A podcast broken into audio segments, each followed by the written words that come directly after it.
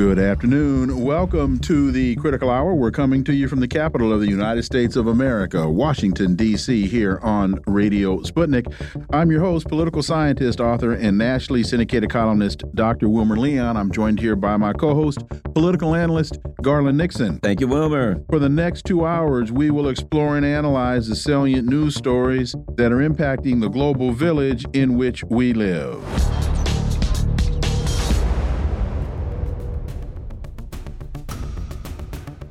Al Mayadeen English published the Wall Street Journal story Israel delays ground invasion as U.S. readies for blowback. Israel's ground invasion of the Gaza Strip will be delayed to give the U.S. the chance to transfer additional air defense systems into the Middle East. That while the latest development, according to CNN, is Israel conducts raid in Gaza as Netanyahu says ground incursion will come. Israel conducted a, quote, targeted raid, end quote, using tanks in northern Gaza before withdrawing its military, uh, said today, as Netanyahu warned a ground incursion into the besieged enclave will take place. For insight into this, let's turn to our first guest. He's an award winning broadcaster and journalist based in Beirut, Lebanon. Laith Marouf, as always, Laith, welcome back. Laith, you with us? Thank you for having me. Yeah. Sorry about that. Oh, there you go. Thank you. So, the Wall Street Journal says that the U.S. will deploy 12 air defense systems to counter attacks on its troops in Iraq, Syria, Kuwait, Jordan, Saudi Arabia, and the UAE. Furthermore, concerned Israeli officials have agreed to delay an expected ground invasion of Gaza until the air defense systems are set up as early as later this week, which would be today or tomorrow. Uh, unnamed U.S. officials told the Wall Street Journal that the U.S. expects its troops and bases to be attacked by several groups. With all of that, we are now seeing reporting that Hamas has said that almost 50 hostages have been killed in the most recent Israeli bombardment, and The Guardian is not able to independently verify the figure. Laith, Please give us your update. Well, it's clear, uh, you know, we saw reports of the Israeli attempted invasion. It seems like they went in five uh, meters inch behind the fence uh, in Gaza and they got uh, beaten and they went back home with uh, to change their diapers. Uh, we also heard that the American Special Forces had attempted to also invade uh, last week uh, with uh, Israelis, and that they also got beaten really badly. Um, you know, the continuous talk about delay and making up excuses for it is a, a clear indicator that the United States Special Forces and the Israeli Special Forces uh, will uh, face a really big battle and they may not survive it. Um, and this is uh, what we see the Israelis are now talking about.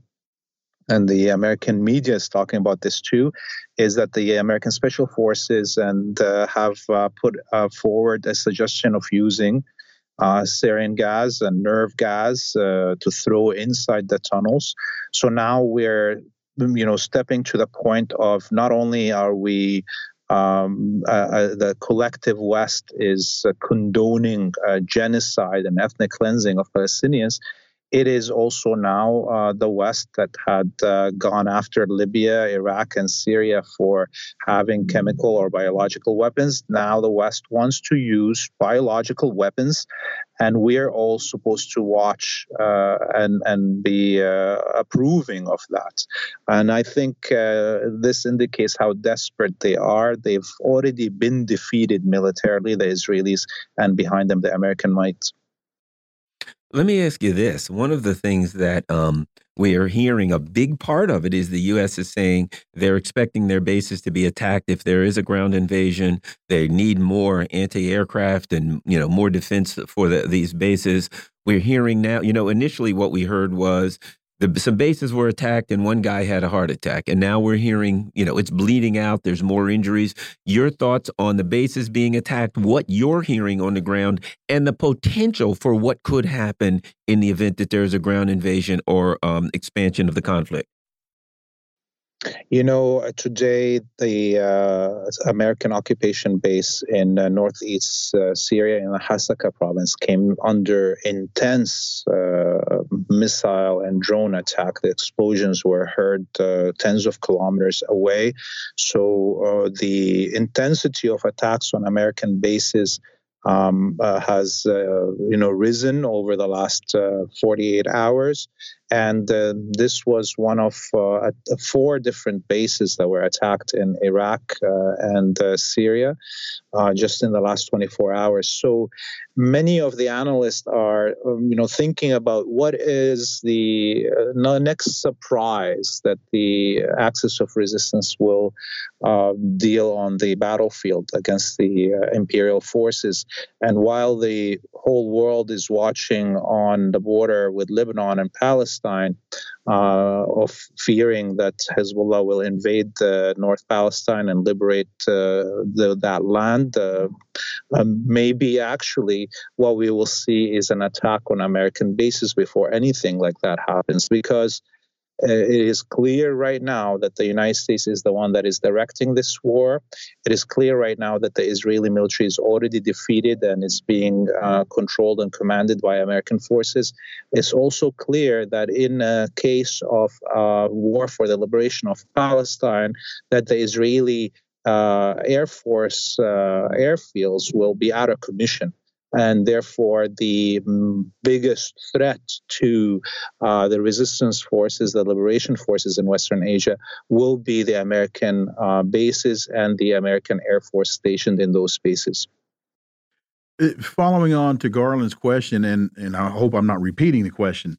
Uh, the the U.S. is saying that they are expecting attacks from Syria, Kuwait, Jordan, Saudi Arabia, and the UAE.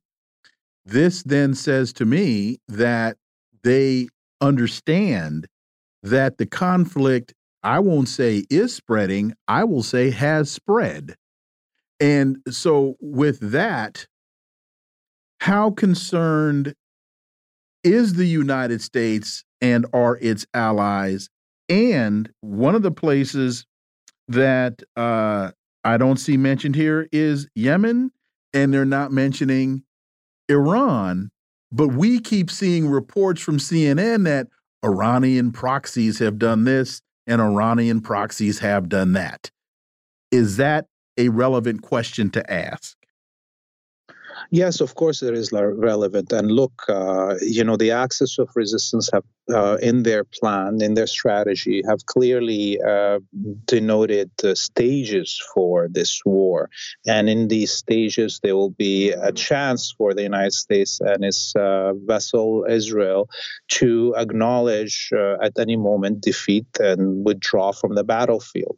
Uh, that's something that Iran and all the axis of resistance uh, continue to uh, offer as an out because uh, in the um, in the strategies of war, uh, we know that if you can achieve 50% of your goals without uh, a war, then you do that, and and this is what the axis of resistance is trying to do.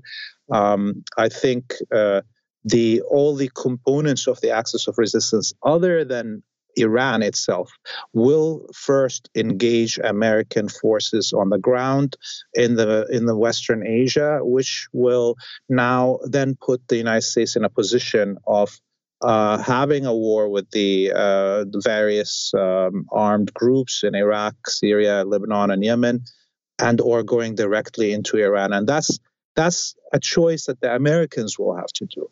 Uh, every time we see the axis of resistance raising the stakes, they are leaving an out for the United States. And um, I, you know, I don't know if there's any sane people left within the administration uh, of the United States or Western governments in general, uh, uh, and or Israel, and or will they go to a uh, nuclear war that will engulf all of humanity just to stay in power somehow?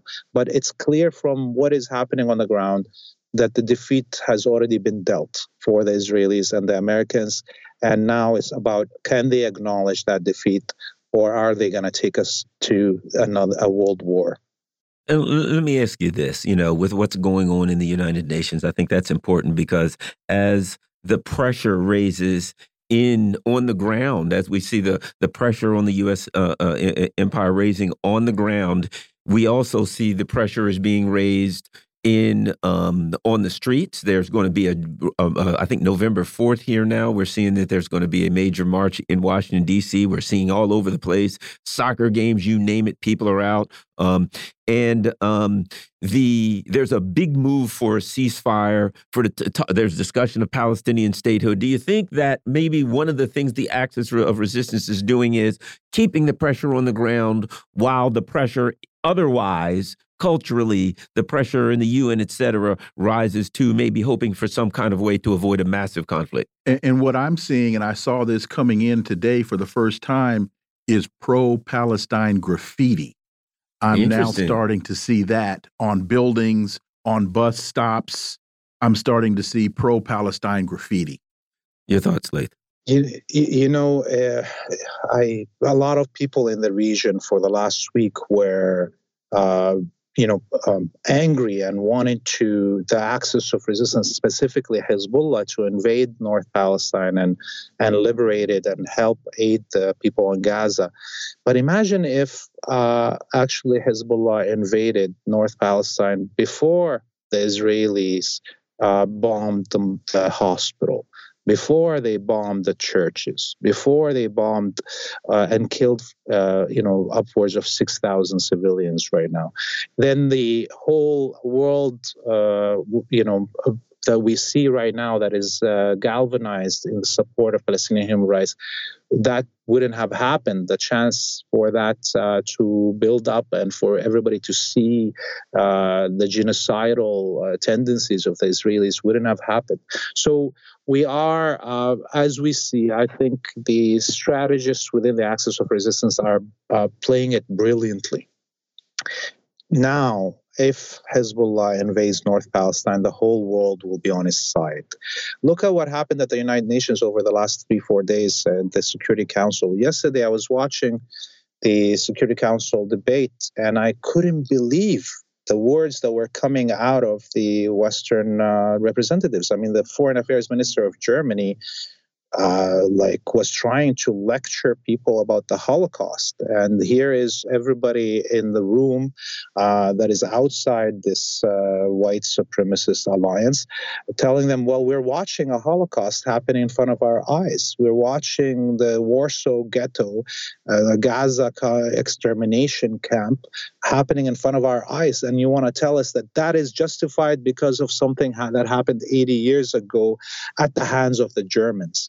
Um, so the world is changing because of the brilliant strategies of the axis of resistance, and I I don't know how much uh, this will affect the uh, decisions of uh, um, governing powers in the United States or in Europe because it seems like uh, the American government doesn't care what the American people want because I'm sure the majority of American people don't want daily killings of black uh, Americans, but that's happening anyways. Uh, so why would the American government stop because the majority of the American people are against the genocide in Gaza? And I and I feel it is a good thing that it's uh, happening, that people are coming out.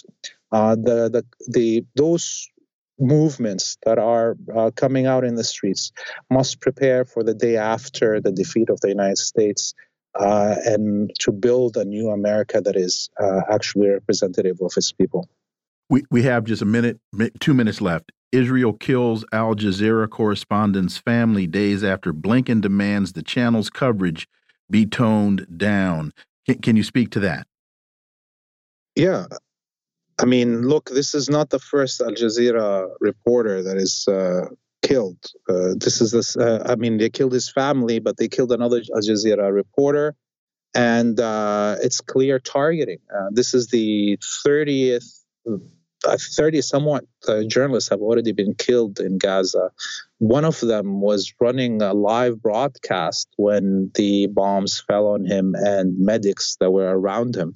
So the uh, and and uh, you know it's been uh, over the last uh, few years alone, uh, you know, another hundred uh, journalists were killed by Israel. Israel kills journalists, medics, uh, uh, targets ambulances, targets hospitals, and this is not something new. It's been happening for 75 years.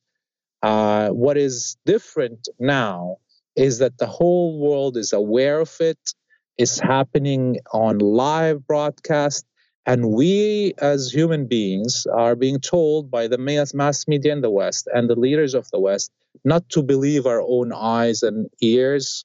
Uh, basically, it's 1948. Uh, uh, this is what we are living. Laith Marouf, as always, thank you so much for your time. Greatly, greatly appreciate that analysis. Uh, stay safe. We look forward to having you back. You have a great evening. Folks, you're listening to the Critical Hour on Radio Sputnik. I'm Wilmer Leon. I'm joined here by my co host, Garland Nixon. There's more on the other side. Stay tuned.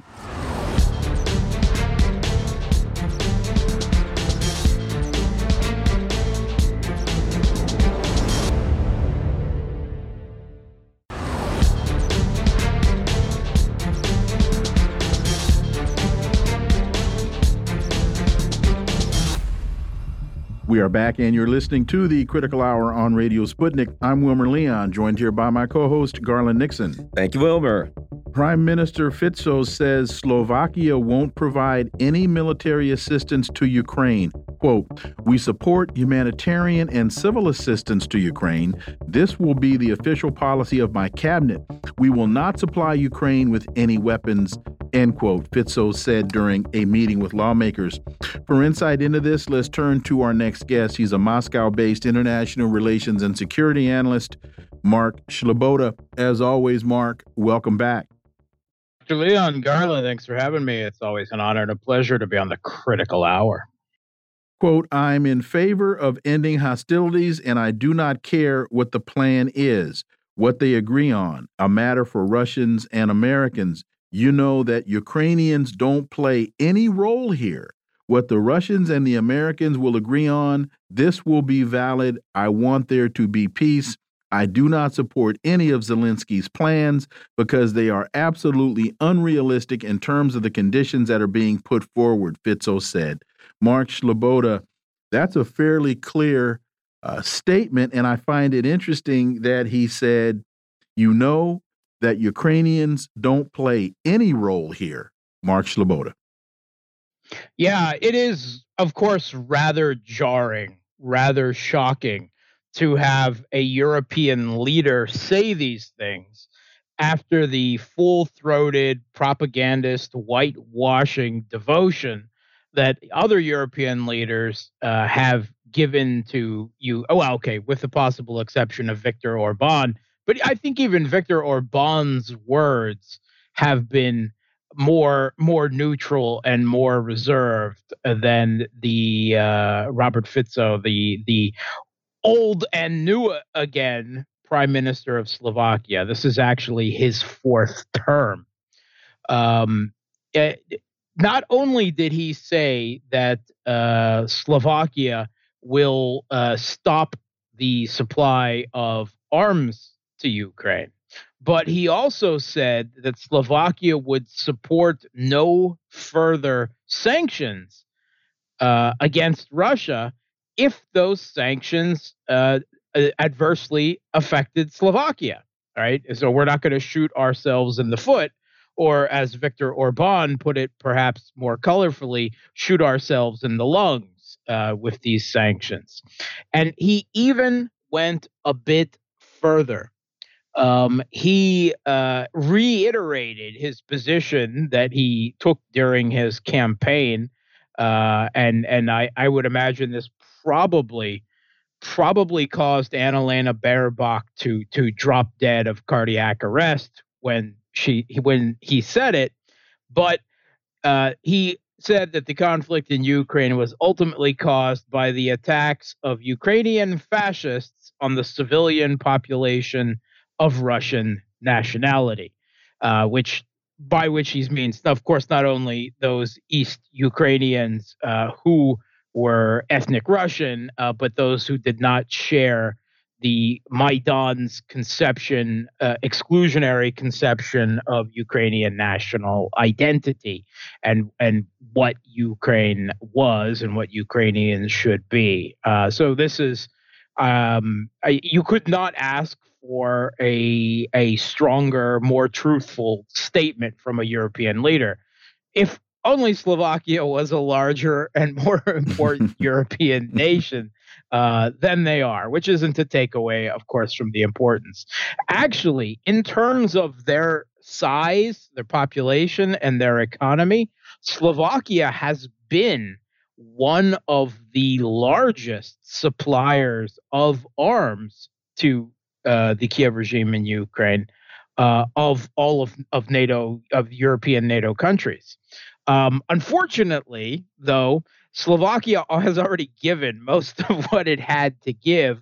Uh, this would be Soviet legacy weapons that were extremely useful for the Kiev regime because they actually knew how to use them and maintain and repair them, including Slovakia's entire fleet of MiG 29s um, that they transferred over. Of course, the Kiev regime has lost so many of those in the past uh, nine days because of Russia's deployment of the new R 37M air to air missile. That if uh, any of those, particularly Slovakian transferred MiG 29s, were left, they were probably shot down over the last week. Nonetheless, um, I, I think that this is um, uh, good news. Uh, uh, uh, the fir- maybe the first grasp of sanity with the change coming at the change of a government and Europe, and he called for Europe to turn to transform itself from being an arms supplier to being a peacemaker. Wow. Let me ask you this. What do you think about this? You know, at, but prior to the conflict, you know, there were a lot of people that, oh, you know, Orban's a far right lunatic or whatever, right?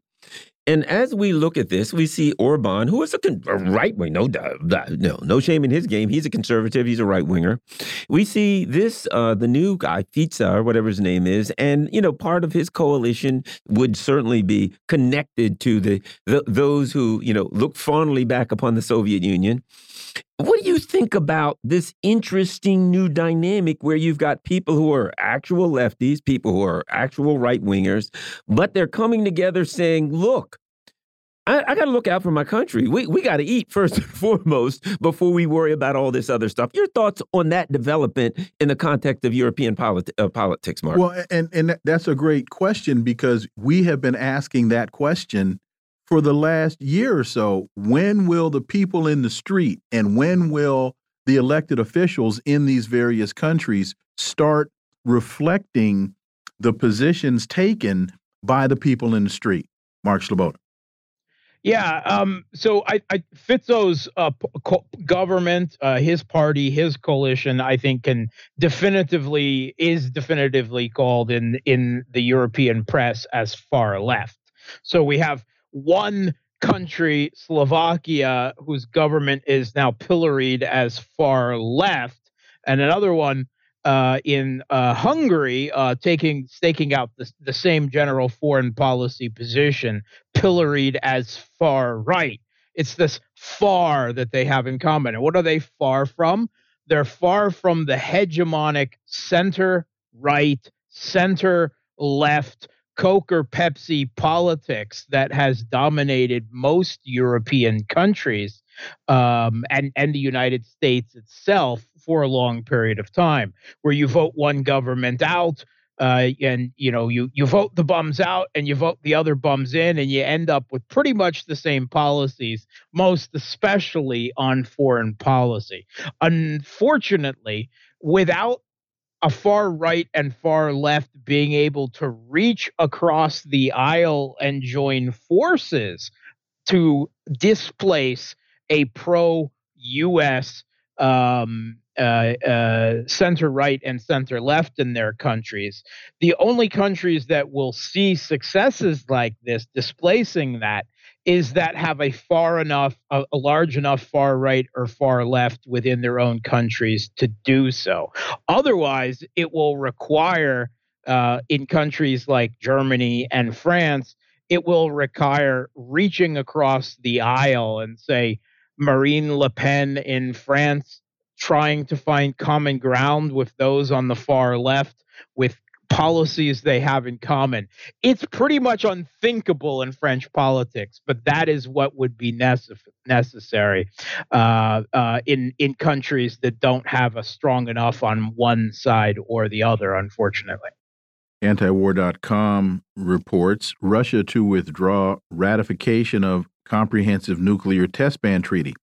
Russia is set to revoke its ratification of the Comprehensive Nuclear Test Ban Treaty, a treaty that prohibits all nuclear weapons tests and explosions, which the U.S. has never ratified. Mark Sleboda. Yeah, this is part of a Russian reassessment of the treaties it has uh, you know uh, inherited in legacy from the Soviet Union, the Cold War security architecture, considering that the U.S. has been pulling out of treaties left and right and violating uh, the treaties it was still a party to. Here, uh, Russia, uh, you know, has said, well, if the U.S. never ratified this treaty, then we're officially going to pull back our position so that it is equal to the US level, saying that, you know, we should, if we're going to have bilateral um, treaties like this, uh, they should be equally binding on both of us. Now, it does not mean that Russia is going to jump out and test nuclear weapons. They've made clear that Russia's position is that we will not test nuclear weapons unless the U.S. does so first. Unfortunately, Russia also says that its intelligence says the U.S. is uh, getting very close to testing a nuclear weapon, which is probably what uh, has brought this up to the fore. Russia is preparing their own response if the U.S. tests a nuclear weapon they will rep- uh, respond in kind, and they don't want to be bound uh, by a treaty obligation that they agreed to, but the U.S. never fulfilled.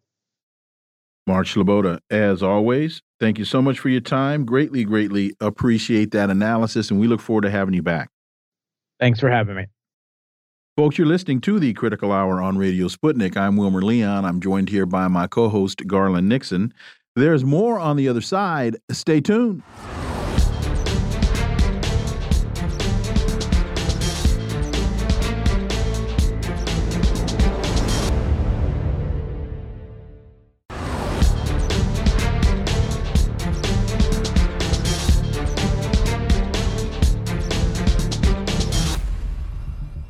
We are back, and you're listening to the Critical Hour on Radio Sputnik. I'm Wilmer Leon, joined here by my co host, Garland Nixon. Thank you, Wilmer.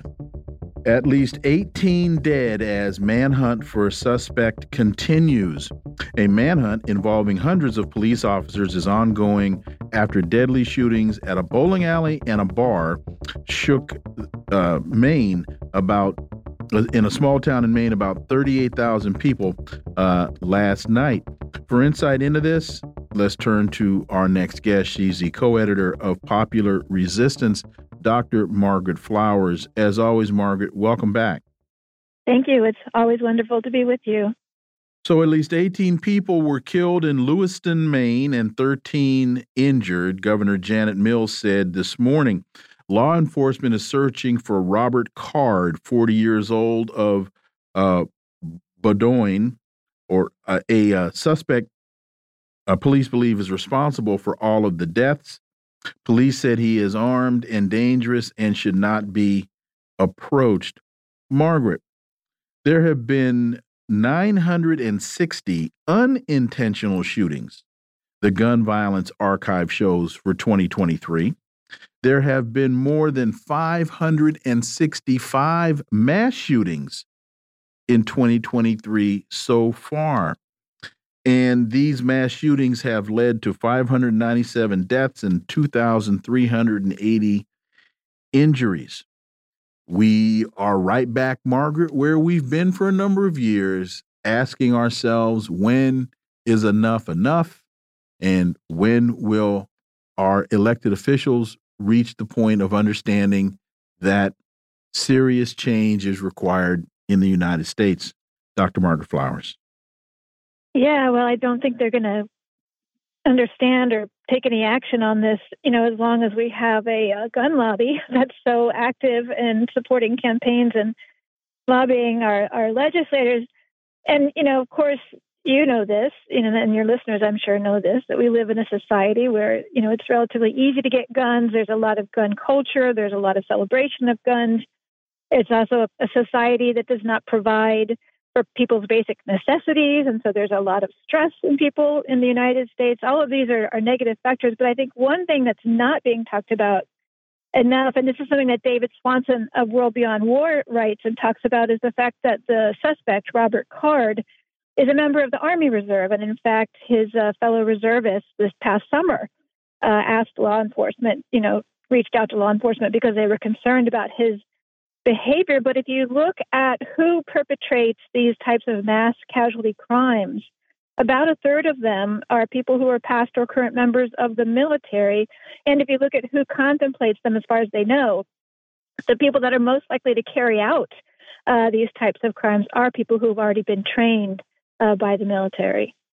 The other thing I think that is important, and you know, when you, when you talk about the relationship between the the the military, these mass shootings, and U.S. imperialism, is this: as our government says we've got to go fight i don't know authoritarianism communism whatever it is they're you know uh, fighting for democracy all of these things whatever ism the ism of the day. Yeah, okay so they got to go around the world. Before it was protecting us from terrorism right?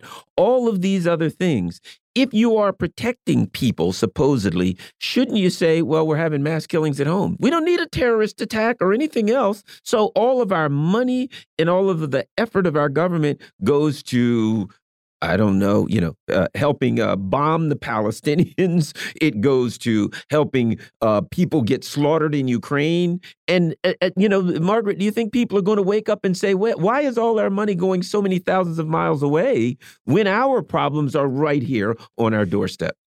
I think people are asking that. I think the fire in, in Maui and Hawaii, you know, really brought that front and center. But you know, we live in a war economy, and I think about the the you know, I think it was last week that the White House asked Congress for 105 billion dollars, uh, and more than half of that money is not not actually even going to leave the United States. They want 105 billion to fund conflicts in Ukraine, Palestine, and arm Taiwan. And most of that money is going to be staying here and going to weapons manufacturers in the U.S which they're calling this, you know, or portraying it as some sort of like a jobs bill. Uh, it, it, this is this is people have to understand the United States that this is ridiculous thinking. It's it's it's dangerous thinking. We should be using that money to make sure that people's needs are met here. That's what security really means. It's not about fighting some person on another, you know, continent who doesn't really care to attack you personally. It's about providing for our own necessities here so people feel secure. Uh, let me add this. And they don't have any. If you look at 9 11 and some of the other terror attacks and you look at their reasoning, they don't have any reason that they want to attack us until they look at our foreign policy and they say, We're mad because you have troops in Saudi Arabia. We're mad because of what's happening with the Palestinians. And we get attacked specifically because our for, of our foreign policy. We, we get attacked because of what we do, not because of who we are unless who we are unless what we do reflects who we are. Uh, Margaret, you're you're a pediatrician and a parent. I don't know if your kids saw the news last night. I don't know if if your if any of your kids asked you about this, but speak to this if you can as a pediatrician and the impact that these that this type of danger has on the sense or feeling of security of our children? Well, I would say, you know, I have three adult children and, and two young children, and I, the way this impacts me as a parent is thinking about my adult children and how, you know, you really can't feel safe going out to places uh, to have fun, to socialize, uh, because of this culture that's rising uh, in the United States. This this uh, radical right wing radicalization, the glorification of Nazi regimes, you know, in, in Ukraine, as well as you know the, the growing far right of Israel and how that you know I see liberals in the United States uh, being supportive of that.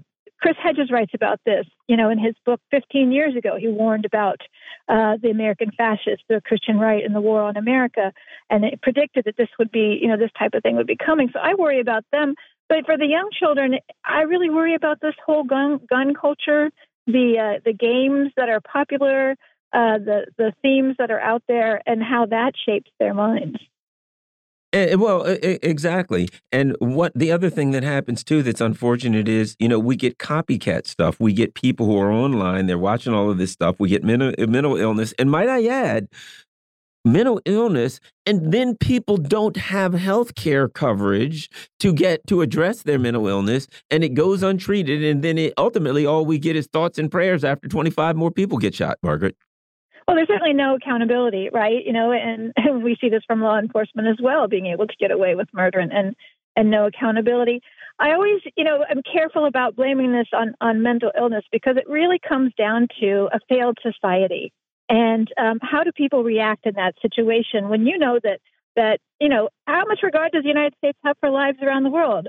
Very little. How much regard do they have for the for lives here? The pollution that we see in communities, the displacement that we see of communities here, the denial of of basic rights like health care and a good education and a, an affordable house to live in, uh, just shows a lack of regard for human life. So, how do you think that you're going to raise a culture that that supports human life when they don't feel that their lives are important.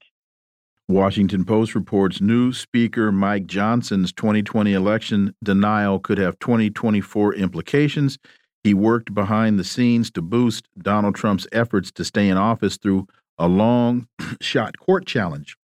Looking at what it took to get Johnson in place and looking at the positions that he's taken, your thoughts, Dr. Margaret Flowers, about the ability of the Republicans to legislate now that they finally have a speaker?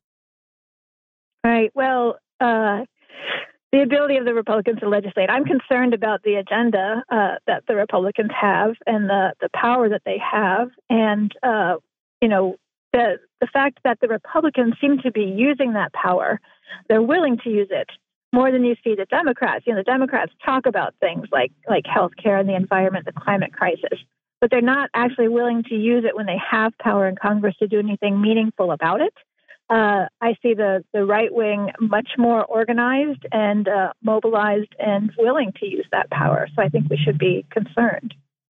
And uh, you know, uh, again, the big thing is it, it, now is, and it's you know when we talk about both, you know, oftentimes about the the problem with both parties. Now the discussion is going to be the 106 billion or 100 billion dollars for the war machine, but it's not we shouldn't spend it. We should spend it on uh, on on Americans. It's well, no, we should give more to Ukraine. No, we should give more to Taiwan. No, we should give more to uh, Israel. It's where it goes, as opposed to whether or not we should be doing that, and whether or not we should be using that to help the less fortunate here. Which most of the people in America are becoming less fortunate. But you get my pic. Uh, you know, you get my point, Margaret.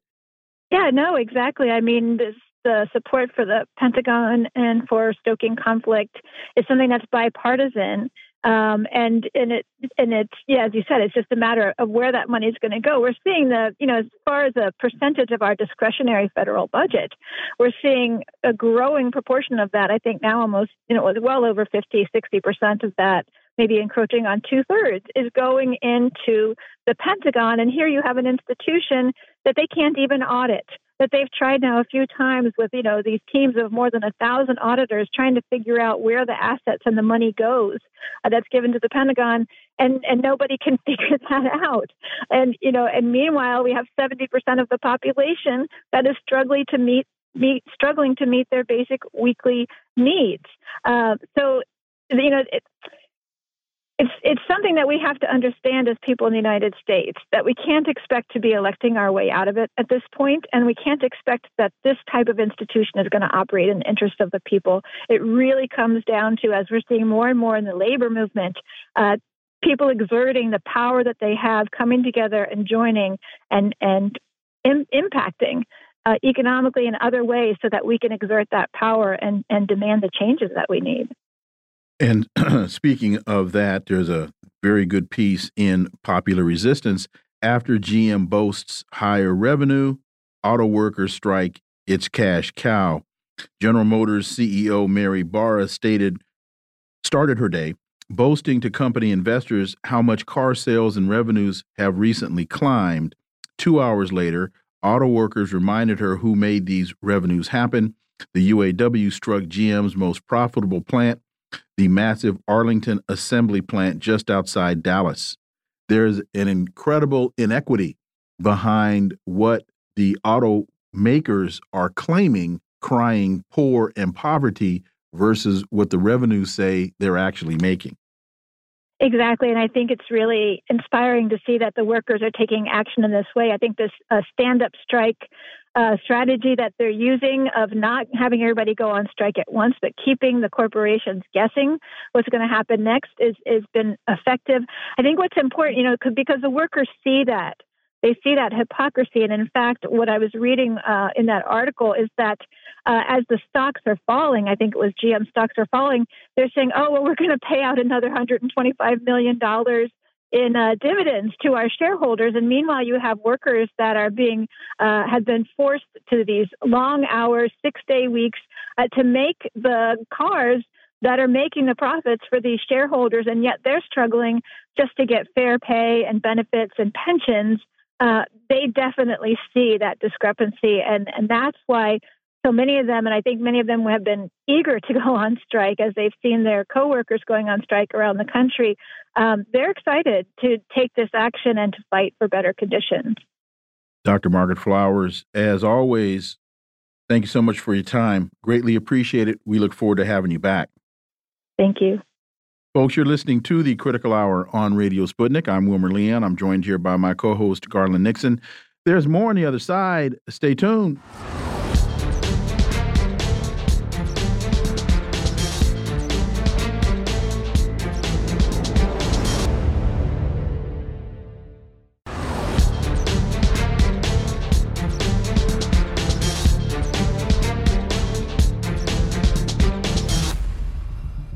We are back, and you're listening to the Critical Hour on Radio Sputnik. I'm Wilmer Leon, joined here by my co host, Garland Nixon. Thank you, Wilmer. According to the New York Post, FBI hindered Hunter probe, and David Weiss skipped briefing on Biden bribery allegations.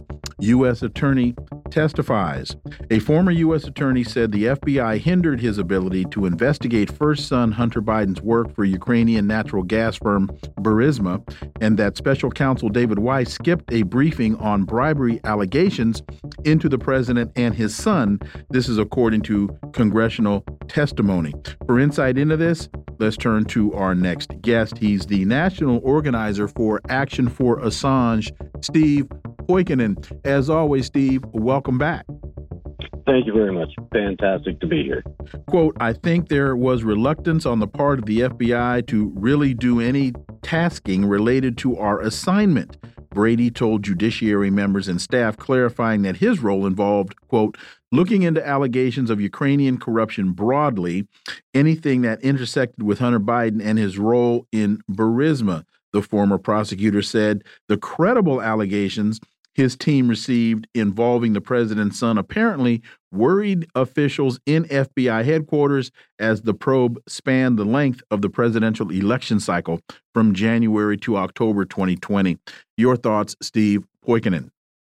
Well, this is just more proof uh, of what many people have said for decades now, which the, the FBI, the FBI and the Justice Department uh, are just political arms of whichever prevailing uh, branch of government or you know swing of the narrative pendulum is in power at the time that they're always going to exist to protect the people who manipulate the rest of us take advantage of the rest of us and that's their job.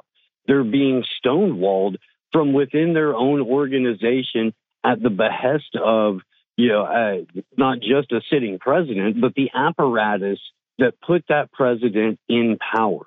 And that's something that hardly any of these articles ever look at is that Joe Biden doesn't get there on his own. Hunter Biden doesn't get there on his own. They're not just trading their names. There's people that support them as candidates that sign checks for them, that give orders to them and instructions to them. And that's the entire apparatus that, that's being held behind the curtain. And it's starting to crumble a little bit. You know, this this whole thing reminds me of um, I remember when Donald Trump was in office. I think his Secretary of State Rex Tillerson, and there was an infamous cable or email that they discussed that he had, where basically what he was told was the human rights stuff, we use that against our adversaries and we ignore it against our friends. And then I go to the John Durham investigation, where John Durham found an investigation. Uh, oh, as flawed though it may be, there were certain things that he couldn't deny. And one of the things that he said was when it came to Hillary et al., that the DOJ, the FBI just ignored all evidence they had of a crime. And when it came to Trump, they kept running through stop signs. No matter what they ran in that said there's no there there on this Russia thing, they dashed through it and made something up. And so it's like, again, the foreign policy and the domestic policy align. Your thoughts, Steve?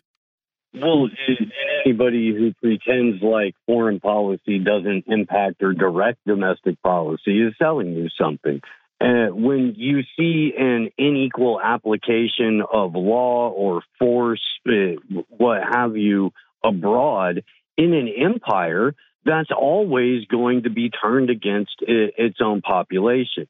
And we're seeing it play out in the predator class in ways that we don't normally do, or it usually takes like an Enron or uh, a Martin Shkreli or somebody. And this is one of those things where Joe Biden and that money is messing with somebody else's money. And So this is a, a, clash of oligarchy here, and that's why you've got institutions like the FBI and the Justice Department getting put on a front and center in this. Because, as I said earlier, these institutions only exist to protect the people who are pulling the strings of power, not the people who are being abused by the powerful. To that point, Sputnik International has another piece. FBI received criminal info from over 40 confidential sources on Biden. Hunter Biden reports the FBI has maintained over 40 confidential sources over criminal matters related to the Biden family. Uh, U.S. broadcaster reported citing information obtained by Republican Senator Chuck Grassley. So there seem to be more and more stories developing from very credible sources from congressional testimony that the FBI knew this, ignored this, and is very telling that it seems as though Senator Chuck Grassley now seems to be just sitting back in his office throwing grenades. Steve. Well, and Chuck Grassley's ironically throwing grenades at the person that he told Barack Obama he wasn't going to, he would only allow as a Supreme Court nominee, and then you know re reject all the rest of them outright, ostensibly hamstringing him uh, for, from the beginning. Uh, these guys all golf together. They all do. Look, the 40 credible witnesses, you're going to hear from people with zero credibility something along the lines of, well, think about the hundreds of other people who have worked closely with the Bidens over the decades who have nothing but nice things to say about them. Surely these are just bad actors with an axe to grind who smell blood in the water and they want a little taste of it. And they're going to go out of their way to obfuscate from the fact that there is a mountain of evidence that shows a criminal history from what can only be described as like a mid level mob family. Uh, and so as this gets batted about and spun around, the thing that everybody needs to remember is that there is direct evidence that shows a clear criminal history from the person who is now president and most of his family members. I won't be surprised we find out that one of the reasons that they keep getting dogs in the White House that bite people is because Joe Biden has had them trained to bite snitches. well, well, here's what's interesting about this too. Basically, they say that um, the these FBI uh, people are saying that, uh, or these investigators are saying, you know, they would have evidence on the Bidens, and that the FBI would discredit the information and say, no, no, that's foreign disinformation. And you know what that reminds me of? Just prior to the election, all the Hunter Biden stuff comes out. It's foreign disinformation. Anything that makes the neocons look bad, the Bidens look bad, the Clintons look bad, anyone who they want to push. If anything that comes out, no matter if it comes out from, you know, the heart of Washington, D.C., which I'm sitting in the heart of Washington, D.C. right now, it's always foreign disinformation, Steve. Well, absolutely. And they're playing the same game with uh, with what's happening in occupied Palestine any information that contradicts the official uh, IDF position is labeled quote unquote terrorist content. Any gathering is a pro Hamas rally and all that nonsense. So they, they keep reading from the same playbook. Um, where this is concerned, it, we're now what 15 years into Mitt Romney telling us that everything that bad in the world was Russia's fault, uh, and we've been trying to get proxy war after proxy war going with them. We've had to shift gears on that for a little bit, but it's not as if we haven't just released another $40 billion to Ukraine. So, the, in an ongoing battle to protect a criminal crime family, a neocon foreign policy agenda, persecute anyone who uh, contradicts the narrative and then brazenly rob the American taxpayer blind to fund your proxy wars as a result of it. Because again, we're protecting foreign policy here, and U.S. foreign policy is robbing the taxpayer to fund foreign proxy wars currently. Uh, the, the, there's still ongoing multiple domestic crises in the United States. So I think we get so lost in I think the the legal aspects of it. We're a country that's been raised on the courtroom drama that that we're we're starting to uh, I, I guess kind of overall ignore the realities that we see when we walk outside. Hey Wilmer, at least before with like the white Bronco with uh, mm -hmm. courtroom drama, at least it was like civilians. You know what I mean? It wasn't like you know right. Hunter Biden or the president or something. It was OJ but that was Russian propaganda. The white Bronco was Russian propaganda. Uh, oh, so, eh, you know, Steve, I think Tuesday we spoke with you about the uh, a joint letter from Republicans and Democrats being sent to the president asking him that he uh, reconsider the persecution of and of Julian and the extradition of Julian Assange in anticipation of uh, Australian Prime Minister Anthony Albanese coming to the White House. Well, Albanese came. I watched the press conference, never heard anything about Julian Assange being mentioned. And not that I expected Albanese to do this, but it would have been a wonderful thing if, when Albanese had the opportunity to speak, he turned to Biden and said, Hey, Joe, let's talk about this guy, uh, Julian Assange here, and why you keep trying to get him extradited. Of course, that did not happen. Uh, I don't know if you heard that any that that that uh, Assange's name was mentioned, but just wanted to get your take on. At least it wasn't mentioned publicly. We got about two minutes. It's obviously disappointing that you don't hear anything at all from Albanese or his camp on the issue. There's always uh, some discussion of, well, they're going to have a back channel conversation about it. The Biden administration is in the middle of, you know, two wars, this and that and the other. And the last thing that they need going into an election year is, you know, some uh, random prime minister getting all out of pocket just because the U.S. has one of their journalists kidnapped and thrown in Guantanamo Bay of the United Kingdom. So the, you don't want that public. I'm sure that the Biden administration went out of their way to to uh, to limit the opportunity of comment on it. When it is brought up, everyone tap dances and obfuscates. Again, this is an issue they don't want to talk about, uh, which is why everyone else in the press should be forcing the the subject at every available opportunity. And that's and that's why I would I was really just hoping that Albanese would just say, "Oh, by the by, Mr. President, uh, what about that chap that we have here, uh, Mr. Assange?" And then, well, and then of course Biden would then show him a picture of Gough Whitlam, the former prime minister of Australia, that. that. the United States threw out of office, and say, "Hey, hey just Mr. throwing prime this minister, out there. there, but for the grace of God, go you." exactly. Uh, Thirty seconds, Steve. Well, I, and that's effectively it. They just pull out the picture of Gough. They go, "Hey, remember how every prime minister since him has gotten to retire nicely? Want to make sure you do too? Okay, so here's what you're not going to say." And he goes, "Hey, that sounds super. I'll just go home and face criticism from people that we've already disarmed." Steve Poikonen, as always, thank you so much for your time. Greatly, greatly appreciate that analysis. We look forward to having you back. Thank you so much, gentlemen. You have a great day.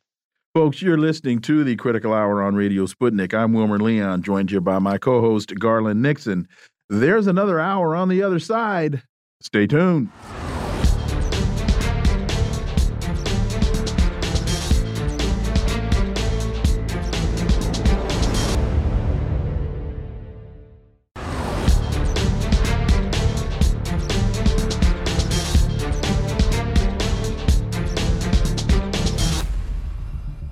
We are back, and you're listening to the Critical Hour on Radio Sputnik.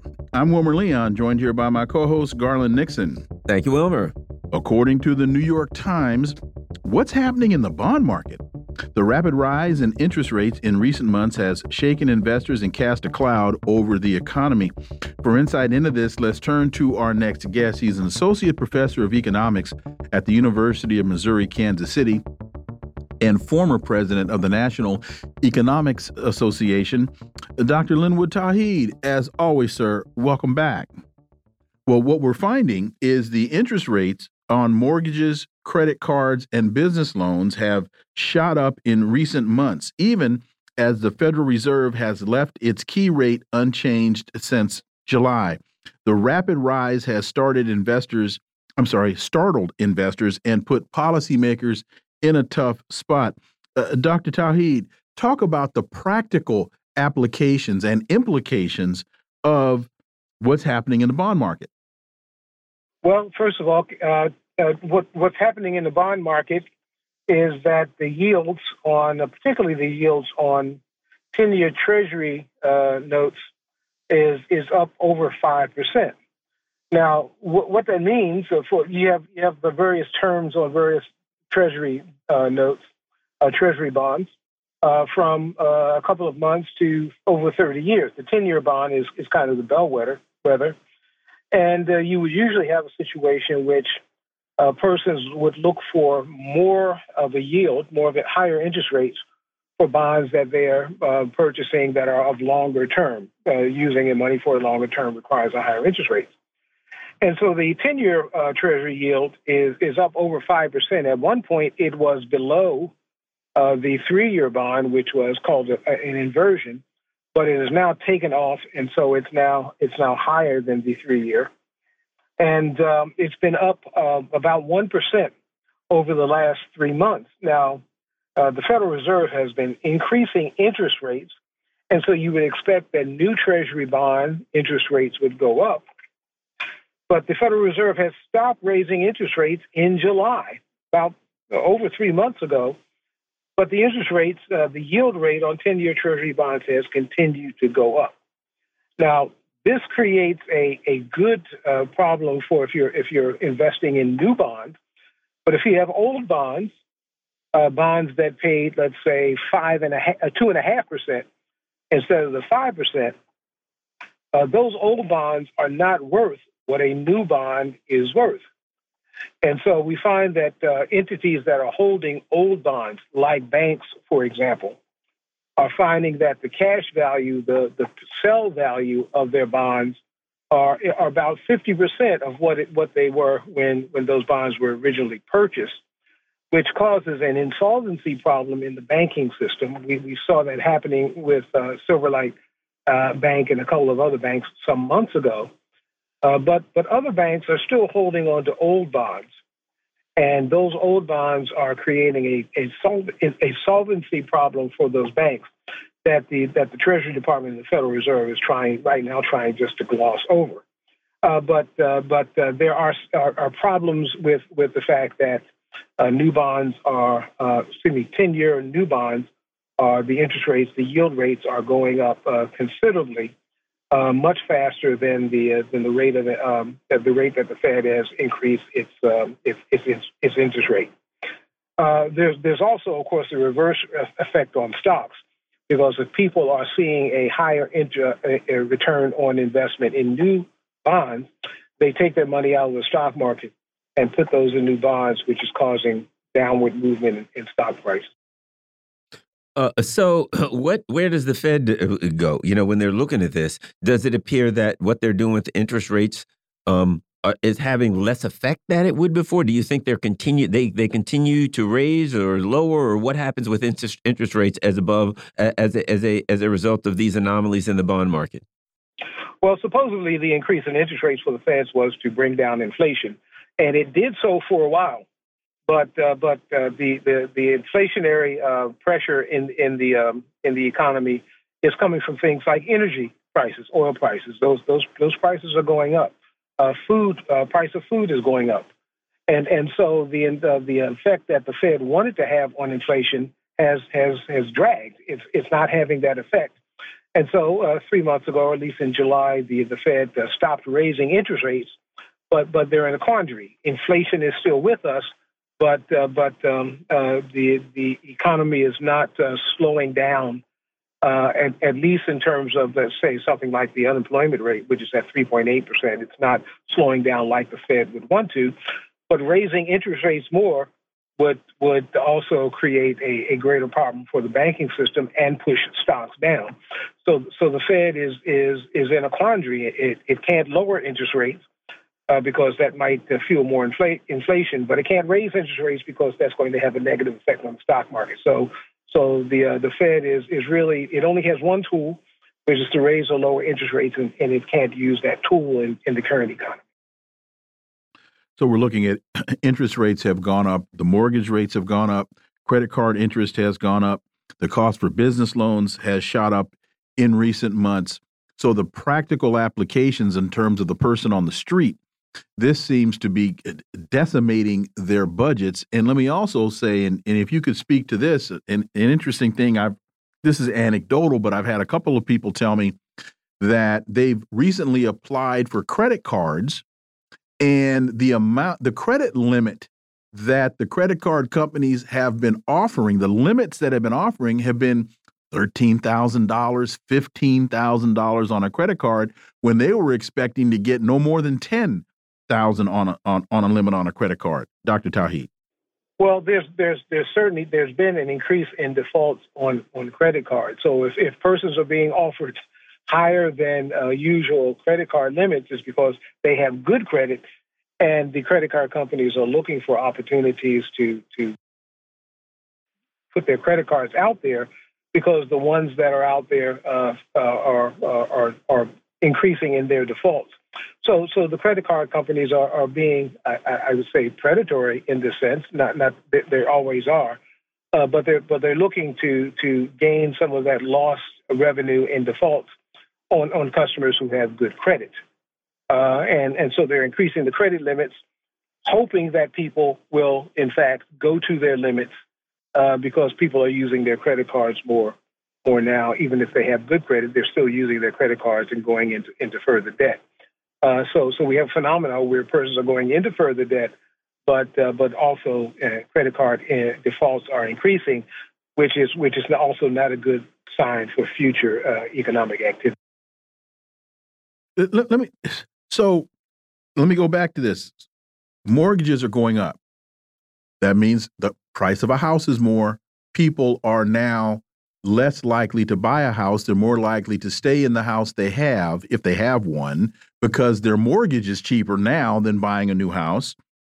Uh, auto loans are more expensive. So people are more inclined to either hold on to the car they have or buy a used car because we know the used car market is now going up.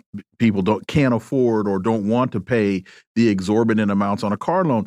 So the practical things that we would think that are driving the economy, people are using their credit cards to buy things that historically they weren't using the credit card for.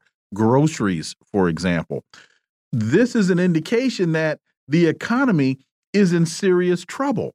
And the types of things that people would normally go out and do that would stimulate the economy aren't happening. Does that mean that we're looking uh, at a downturn in the economy in the months ahead? Oh, I, I think I think it definitely so. The, the, the, credit card, the, the personal debt situation in general, credit cards in particular, uh, is mirroring the uh, the uh, same type of economic situation that occurred at the end of the 1990s. Now, now the 1990s uh, was was called the Roaring 90s. There was you know great economic activity. Uh, inflation rate inflation was low, but there was an increase in, in, in economic activity. Uh, but uh, by the end of that, uh, we found uh, personal debt had risen to a level where people people were not able to to afford their personal debt. The economy collapsed coming into 2000. And so we, are we're, we're mirroring that situation where you know, people are, are having to buy food and, and other provisions, but they're using their credit cards to do so. Uh, and and the personal debt is increasing, and at some point it can't increase forever. At some point it will collapse. Let me ask you this: What do you think about? Um, and I mean, you know, no, we haven't necessarily planned on this. What do you think about the nature of what's happening with the um, the UAW with a you know this has been going on for quite a while. Um, they are apparently I understand they got may have some deal with Ford, but your thoughts on the UAW strike and what that means? Well, I think uh, certainly the UAW, if I if I'm not mistaken, is is the largest labor action that has occurred in in recent times. Uh, along, you know, there's there's been other labor actions as well. Uh, but this is the largest and potentially uh, has the potential to grow into even a larger uh, rate because the UAW uh, uh, is not striking all of its workers; it's, it's selectively striking at various plants. And and so, but this is this is I think very much an indication of a revitalization of the labor movement movement.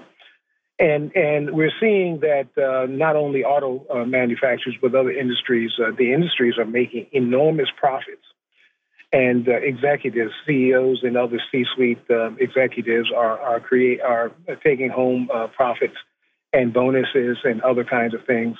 And uh, the UAW, uh, like other striking uh, workers, are are looking uh, to have that shared. their product- productivity is up. they are increasing in, in their profitability for the companies they work for, but they're not getting a share. And so I think this is very much an indication of a growing labor movement, which is uh, which is a welcome thing to see. Sputnik International reports uh, good for American jobs. U.S. reportedly changes tactics on Ukraine aid. Biden had requested 24 billion in aid for Ukraine, and that led to the threat of a government shutdown. And now it's it's getting harder for him to get support uh, for this Ukraine aid bill. And now it appears as though he's trying to sell it as a jobs bill. Quote, as we replenish our stocks of weapons, we are partnering with the U.S. defense industry to increase our capacity and meet the needs of the U.S. and our allies both now and in the future. This is some talking points that they've been utilizing. So it's he, the administration is trying to sell this Ukraine aid as a jobs bill. Dr. Tauheed? Uh, uh, let me add this. They've gone from cash for clunkers to cash for corpses. Dr. Tauheed. This is this is fairly strange, and and as the report says, that the uh, the Biden administration is doing this quietly mm -hmm. behind the scenes. They're not they're not doing this out in the open. It, it sounds like a run it up the flagpole situation. You know, uh, they they want to see if they have some traction on this, but this is strange. And it's certainly strange to to uh, be arguing for a jobs bill when supposedly you're also arguing that Bidenomics is doing so well for the economy that everyone has a job if they want one. You know, so so if that's the case, then uh, we, we have a we have a scenario that that replicates this during the Vietnam War. Uh, the spending in Vietnam uh, was was good for jobs. I mean, not just military jobs, but it was good for jobs in the U.S. But also caused inflation. Military spending is in, inherently inflationary because you have a supply demand problem. You can you can create push more money into the economy because people are are producing weapons, uh, but but you can't go to the store and buy a cruise missile. Uh, and so, if you're not going to increase the loaves of bread, wait a minute, wait a minute, wait a minute, Dr. Tauheed. Based upon the black market, in some places, yes, you can go to the grocery store and buy a buy a cruise missile. Just I, ask, I, I, look at what's happening in Africa. I, I stand I stand corrected only with that with that caveat. But but generally, you can't you can't do that, which means you've got uh, the, the proverbial more too much money chasing too few goods because you're not increasing uh, food, clothing, and shelter. People are not buying houses, mm-hmm. and so you've got you've got more money out there, which is inherently inflationary, which is the lesson that we should learn from from Vietnam. So in many ways, uh, Ukraine is becoming uh, Joe Biden's Vietnam again. And so the idea that is good for jobs is, uh, you know, in, in, in with, with politicians today, we should always be wary of that because what it means is that it's good for the profitability of the companies that are that are creating the weapons. Uh, not that it's going to be good for for workers, uh, and and not that it's certainly not going to be good for the general public. So this is a tactic that uh, the Biden administration is doing quietly behind the scenes. It may appeal to Republicans because the Republicans understand that when uh, when they talk about jobs, what they really mean is profitability for their donors. I, I was going to make a joke about the UAW and that you know this this spending in Ukraine isn't good for the UAW, and that made me think about during World War II. You know, we we had to shift our manufacturing base so that did work for the UAW because auto workers, for example, went from making Chryslers to making Jeeps and went from making Fords to making tanks. But now that we have a military industrial complex, that shift in our industrial productivity isn't happening. So what what what benefited Americans in terms of shifting of the industrial capacity in the country during World War II. That's not happening now. 30 seconds, Dr. Tauheed. Yeah, of course, the Biden administration is going to this tactic because Americans are souring over aid to Ukraine. And they're asking the question why are we uh, sending billions of dollars uh, to Ukraine, really to, to weapons manufacturers, when, when, when the U.S. has so many uh, uh needs uh, for its own citizens?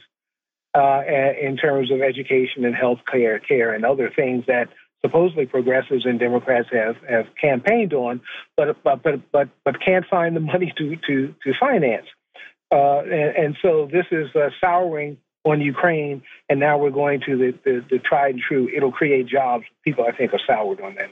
Dr. Linwood Tauheed, as always, thank you so much for your time. Greatly, greatly appreciate that analysis, and we look forward to having you back. Thank you, sir. Uh, folks, you are listening to the Critical Hour here on Radio Sputnik. I'm Wilmer Leon. I'm joined here by my co host, Garland Nixon. There's more on the other side. Stay tuned.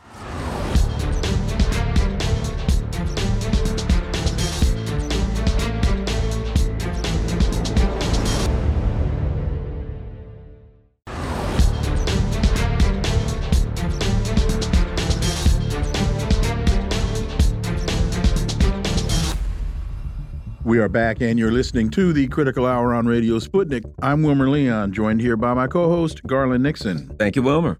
Black Agenda Report has a piece entitled Haiti as Empire's Laboratory.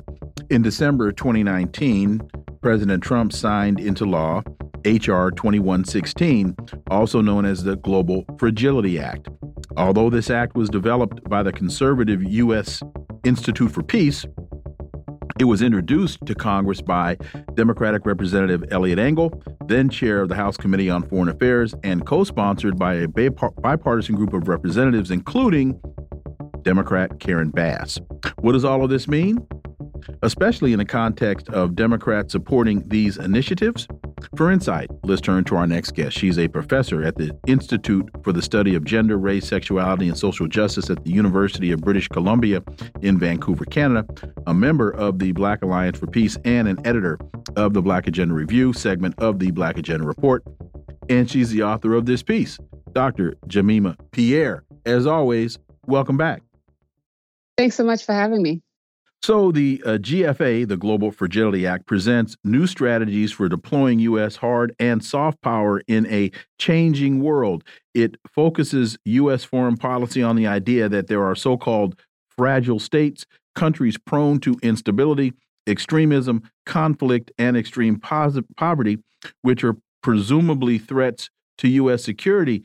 And Dr. Pierre, specifically when we talk about Haiti, yes, Haiti is fragile, it is prone to instability and extremism because the United States is ensuring that it is and that it does. Dr. Pierre. That's correct, and and it's this Global Fragilities Act um, is really fascinating in that um, it it it creates these this this notion that they're fragile states without really, as you said, um, giving context as to why these states are fragile, uh, well, why these states don't have any government, as Haiti is, and, and that's because of the, the U.S. I wanted to specifically point out that the Global Fragilities Act actually follows the 2017 National Security Strategy of the U.S., which was to strengthen so called fragile states where they thought that the weakness of the state would magnify threats to the US homeland. And this was directly geared towards China and and Russia. Um, and so, and this is what we need to, to to think about. This is a new kind of Monroe Doctrine, where it's basically an opportunity to keep these states away from Chinese influence, and, and in particular, and then Russian influence in general. And so, you know, I, I, I don't mention this in the piece, but you know, Jovenel Moise, the president that was assassinated um, two years ago, actually had gone to Moscow um, a month before that and that was the first time Haiti had established relations with Russia, and and so it's it's it's interesting to see that because then he was assassinated under with the go ahead of the U.S. a month later, and also a few years before that, China had offered to build Haiti's infrastructure, um, and Haiti is one of the few places that still have a relationship with Taiwan, which is surprising, right? But that's because hey, the U.S. Con- is occupying Haiti right now as we stand, and so they don't want to leave Haiti alone um, to actually foster its own self determination, its own relationships. And they also want to control Haiti. So the Global Fragilities Act is really where they're implementing stages of how the US will deal with other states and, and um, in the future when it comes to dealing with China. And you, you have, I'll read a, a, brief passage from the article. In their deliberations of the Global Fragilities Act, U.S. officials labeled Haiti as one of the most fragile states, which it, it's extremely fragile, but what they leave out is why it's fragile. They leave it out, they leave out that the U.S. has literally overthrown its government, rubbed out its multiple times. Yeah, multiple times, robbed them of their gold, uh, uh, inserted leaders, on and on. The, the, it seems to me this Global Fragilities Act doesn't say what we need to do is go into countries and ensure that the people in those countries can choose their leaders. It's we have to impose things on these on fragile countries. Your thoughts, Dr. Pierre? Well, and, and that's the thing. That's why Haiti is the laboratory. And people don't want to realize, you know, people exceptionalize Haiti so much that they don't see what the US is doing in Haiti is what it's trying to implement everywhere else. What we call what's happening in Haiti is what we call is a multi multilateral terrorism. Because what the US is doing is deploying institutions such as the UN, which is why they, you know, they got Kenya running a foreign invasion of Haiti, um, and got they have the UN voting to send armed military invasion to Haiti, and they got all these other, they have all these other states doing the dirty work. But remember, when U.S., France, and Canada came together in 2004, in 2003, and decided to um, uh, have a coup d'état against our elected president, which then ended up happening in 2004, Haiti had 7,000 elected officials, parliamentarians, you know, governors, regional, national, and so on. Here we are, fast forward 19 years later, after Haiti has been under occupation by the US and the UN through its proxies.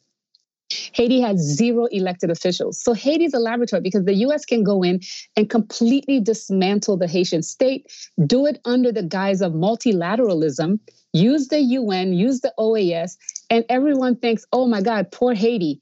And even though the US actually, you know, orchestrated the entire destruction of the state. You mentioned that the Global Fragilities Act was uh, introduced to Congress by Eliot Engel, Democrat, and it was also uh, co sponsored by then Congresswoman Karen Bass, who's now the uh, mayor of Los Angeles, Democrat. Uh, she also sat on the board of directors for the National Endowment for Democracy. We know that sitting Congressman Hakeem Jeffries went to CARICOM trying to twist the arms of the CARICOM members to back the U.S. Uh, invasion of of Haiti. We know that Vice President um, Kamala Harris went with him, I believe, and so uh, I'm looking at these uh, black faces that are being used to justify, rationalize, and garner support for American imperialism. And I'm calling this uh, minstrel diplomacy. Uh, your thoughts, Dr. Pierre? Well, definitely, definitely. But the other person we we should also add is Barack Obama, because it was under his um, presidency that Hillary Clinton flew to Haiti in 2012 and changed the election result. That results that ended up putting these thugs um, in power and so so yes it's all the way around. And and and now you have the the you know well I, I can't be too mean but now you have the the, the you have the kenyans mm-hmm. uh, uh, doing uh, doing the dirty work of, of U.S. imperialism. It's it's a real shame considering the long history, the the the spectacular history of Haiti as the beacon of hope and the beacon of revolution and and hope for the for for Black people all over the world. To turn around now to have what's going on now is having all these Black people working on behalf of empire to keep it down. One more point about the Global Fragility Act, and that is this seems to be a unique uh, com uh, combination of uh, military force and aid because it buried in the in the Fragilities Act is we're going to go in with soft power. We're going to go in with the offer of aid. And when we believe that that's not quite bringing the stability that we want, oh, we'll just call the Pentagon and we'll send troops in. Yeah, thank you for pointing out that because the Global Fragilities Act, and this is why I'm like, this is the, the where the U.S. tries out its stuff on Haiti first. It's it's it's the bringing together of the Department of State, Department of Defense, and the USAID. Those three work together. So this is what's happening. You're absolutely right. And so this summer so the first stage of the global fragilities act actually was is is going ahead because that's the multi multinational security force supposedly led by Kenya right? That's supposed to go and be in Haiti for about 6 months but the real the reality is the glo- the plan is a 10 year plan. So that means this is another 10 year occupation that's on the way. So that's the first. The second stage of the global fragilities act was established this summer using USAID the US is going to fund 250 so called civil society organizations to influence public policy and decision making in Haiti. So you already see, so we're having a multinational uh, invasion force to control, you know, protest and then what they're going to they're going to do they're going to go in and fund all these poor people and say well this is civil society speaking asking for US policies in Haiti it's it's it's a brilliant strategy but people don't want to see it because they don't they keep seeing Haiti as exceptional UN Security Council, they're going to uh, meet this uh, UN expert panel report that uh, they say it details a recent history of high level government corruption, support for armed groups, paints Haiti as a uh, uh, a criminal state and undermines the rule of law and human rights.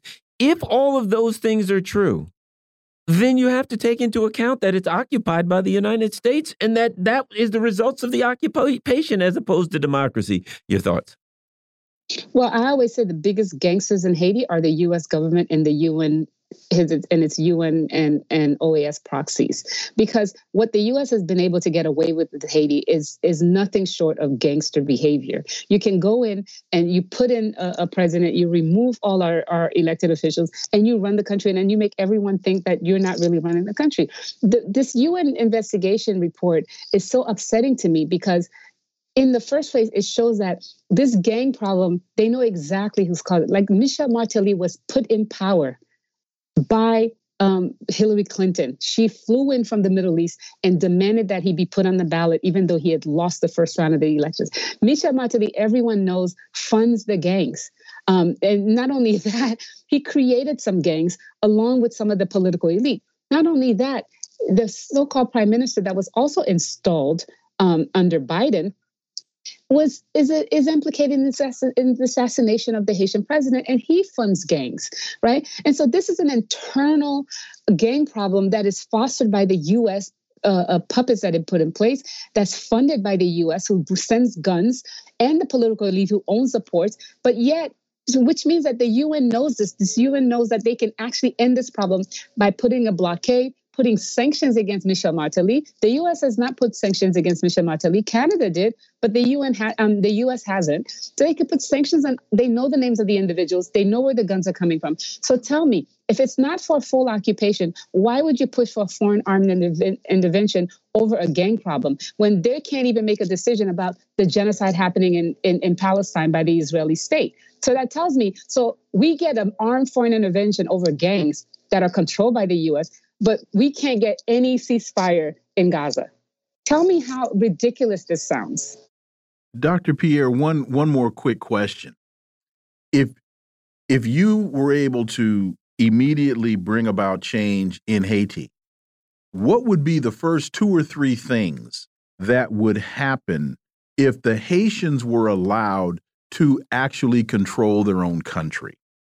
The first thing that would happen is to get this prime minister that the US imposed on us out of the country with all his special forces and all his gangs. The second thing that would happen is we should shut down the core group, which makes decision on behalf of Haiti. And we could have an embargo and close down all these private ports that are importing guns and, and, and, and ammunition into the country, including the port from Dominican, the, the Dominican Republic. And so already guns have stopped coming in because the ports are cl- closed in the north, the northwest part of the country.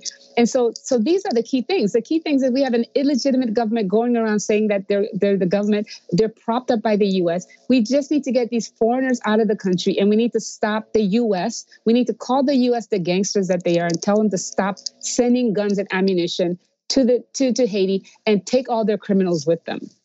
You know, as we get out, you you mentioned that the United States is trying to counter China. Well, let's look at quickly what China does. China cancels debt, or if there is debt, China has the conditions of the debt in much more favorable terms than the World Bank and the IMF. Canada does not go in and overthrow governments. Canada does not, I'm sorry, uh, China does not go in and wreak havoc in the political system, again, overthrowing governments. Look at what's happening with the Belt and Road Initiative. Look at what's happening with China's win win strategy. And look at what America is doing in the colony called Israel. Look at what the United States has done uh, in Afghanistan. Look at what the so history is replete. You talk about gangsters. You're absolutely right. And anyone that wants to challenge that, please pro provide me some historical data to the contrary. Uh, 30 seconds, Dr. Pierre. No, you're absolutely right, and and this to me is also a, a, a, a, demonstration of how desperate the empire is at keeping its power. Because it is true, one of the key things is actually to keep Haiti from China by forcing Haiti to recognize Taiwan. They also need Haiti to become a manufacturing hub when they go to war with China. They need Haiti to to to to park their their military, you know, their their their boats and guns and stuff like that as they access the Pan- access the Panama Canal to get to Asia. And so it it is very true that this these are gangster moves and the poor people who are paying for it are the haitians. And they're paying for it with their with their sovereignty with their lives and with their dignity. And it's it's really something that's not sustainable. And we really hope that the empire falls and leaves us alone. What you didn't mention is china's improved relations with nicaragua and china's improved Nico, uh, relations i believe with guatemala and the discussion that that they're looking to to to build a canal through Nicaragua, and the U.S. I think is using Haiti to counter that as well. Definitely. And okay. that's why I think Haiti is the laboratory. And Haiti's very important. And I think we need to really pay attention because whatever happens in Haiti, they will try to implement elsewhere. Dr. Jemima Pierre, as always, thank you so much for your time. Greatly, greatly appreciate that analysis. We look forward to having you back. Thanks so much for having me. Folks, you're listening to the Critical Hour on Radio Sputnik. I'm Wilmer Leon. I'm joined here by my co host, Garland Nixon. There's more on the other side. Stay tuned.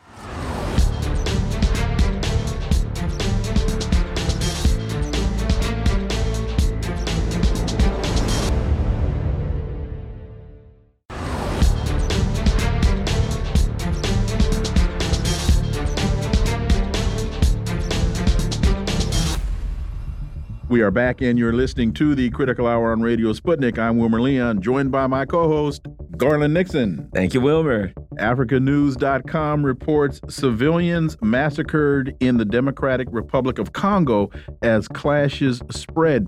News of the massacre spread during the morning after an attack overnight on the outskirts of Oicha town in Beni territory, the epicenter of the years long rampage by IS affiliated Allied Democratic Forces in North Kivu province. In to uh, get insight into this, we turn to our next guest. She's a member of the Black Alliance for Peace, Yolian Ogbu. Yolian, welcome back. Hi, guys. Thank you for having me.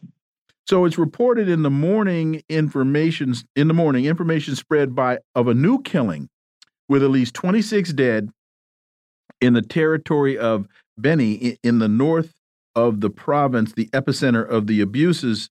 Uh, Oleon, give us some insight into uh, into what this is all about, uh, because while we've been focused on the latest developments in Niger and the latest developments in Sudan and Eritrea, uh, there seems to be an awful lot going on in Congo.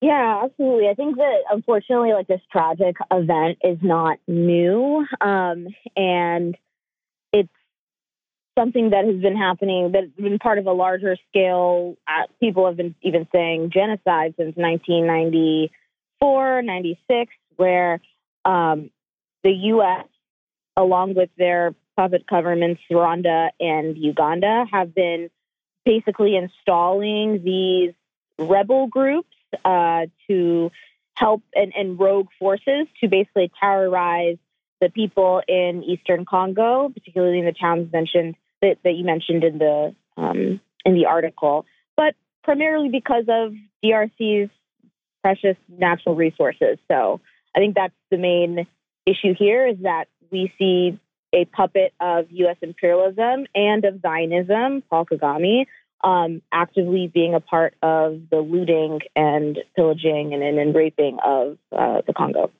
You know, this also makes me think. I remember during the uh, um, during the the Iraq invasion in uh, uh, 2003 when you know there was like a, a, U.S. bomb killed like 50 Iraqis and wounded a couple more, and this was every couple hours.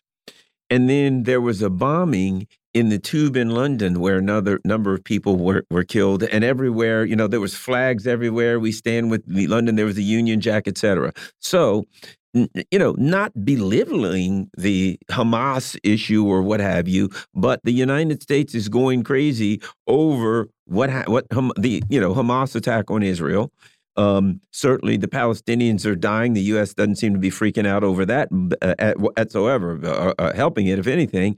And then we see these people in Africa that doesn't even make it to the news. Your thoughts?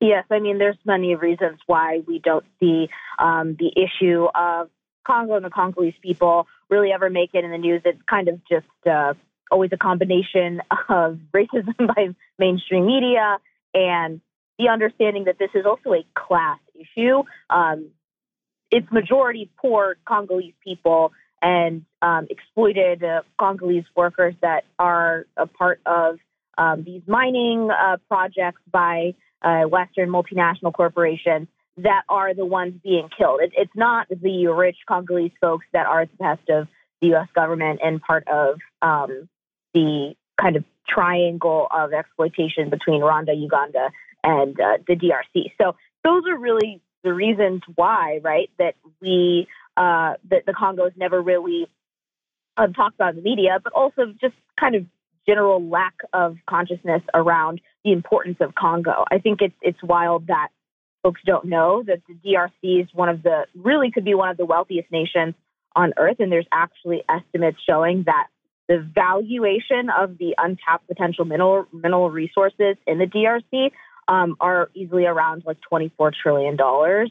So I think the DRC has been covertly targeted for several decades because of that fact and the fact that it would get you know anywhere near um, or people would catch wind of this issue and would fight and stand up for Congolese people in the way that we're doing for Palestinian people would cause um, would cause a lot of issues for the U.S. and they have plenty to deal with right now. You mentioned the United States funding these uh, quote unquote terror groups. Um, the article references the IS affiliated Allied Democratic Forces. There seems to be a lot of similarity between what's happening in Congo and what the United States is doing in Haiti. Uh, can you be a little? Can you elaborate more on the United States' involvement in the terrorists that are now involved uh, in these massacres in Congo?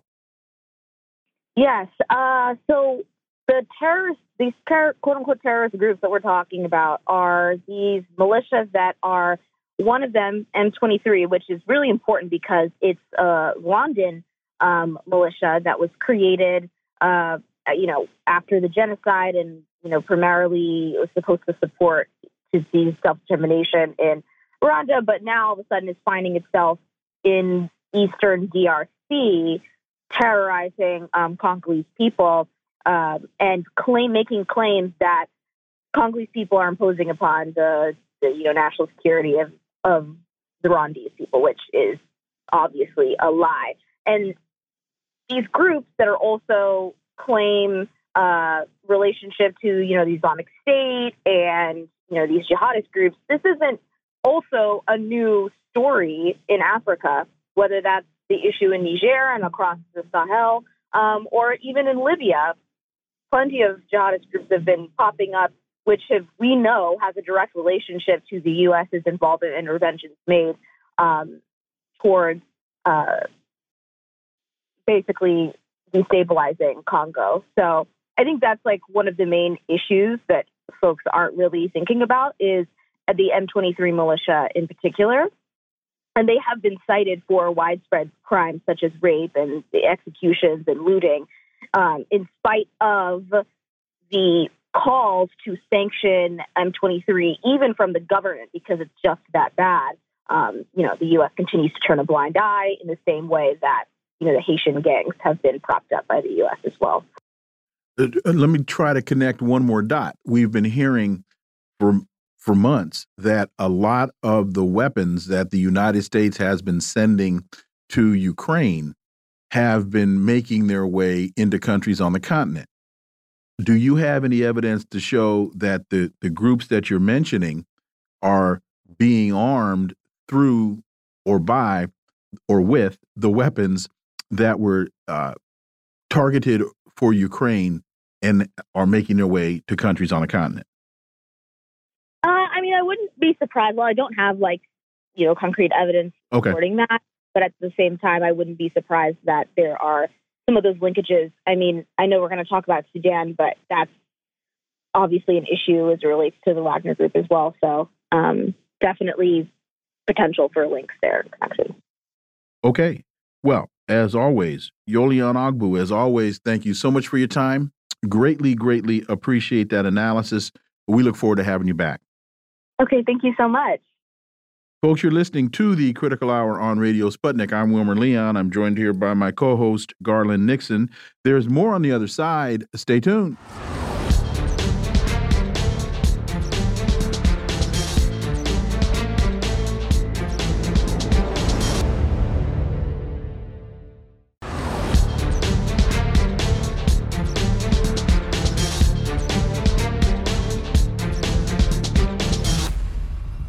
We are back, and you're listening to the Critical Hour on Radio Sputnik. I'm Wilmer Leon, joined here by my co host, Garland Nixon. Thank you, Wilmer. Black Agenda Report has a piece entitled A Veto from Hell. On October 16th, the Russian Federation introduced a draft resolution at the UN Security Council calling for an immediate, durable, and fully respected humanitarian ceasefire in Gaza. In hopes of getting it passed, they avoided placing blame on either Israel or Hamas. That sounds like balance.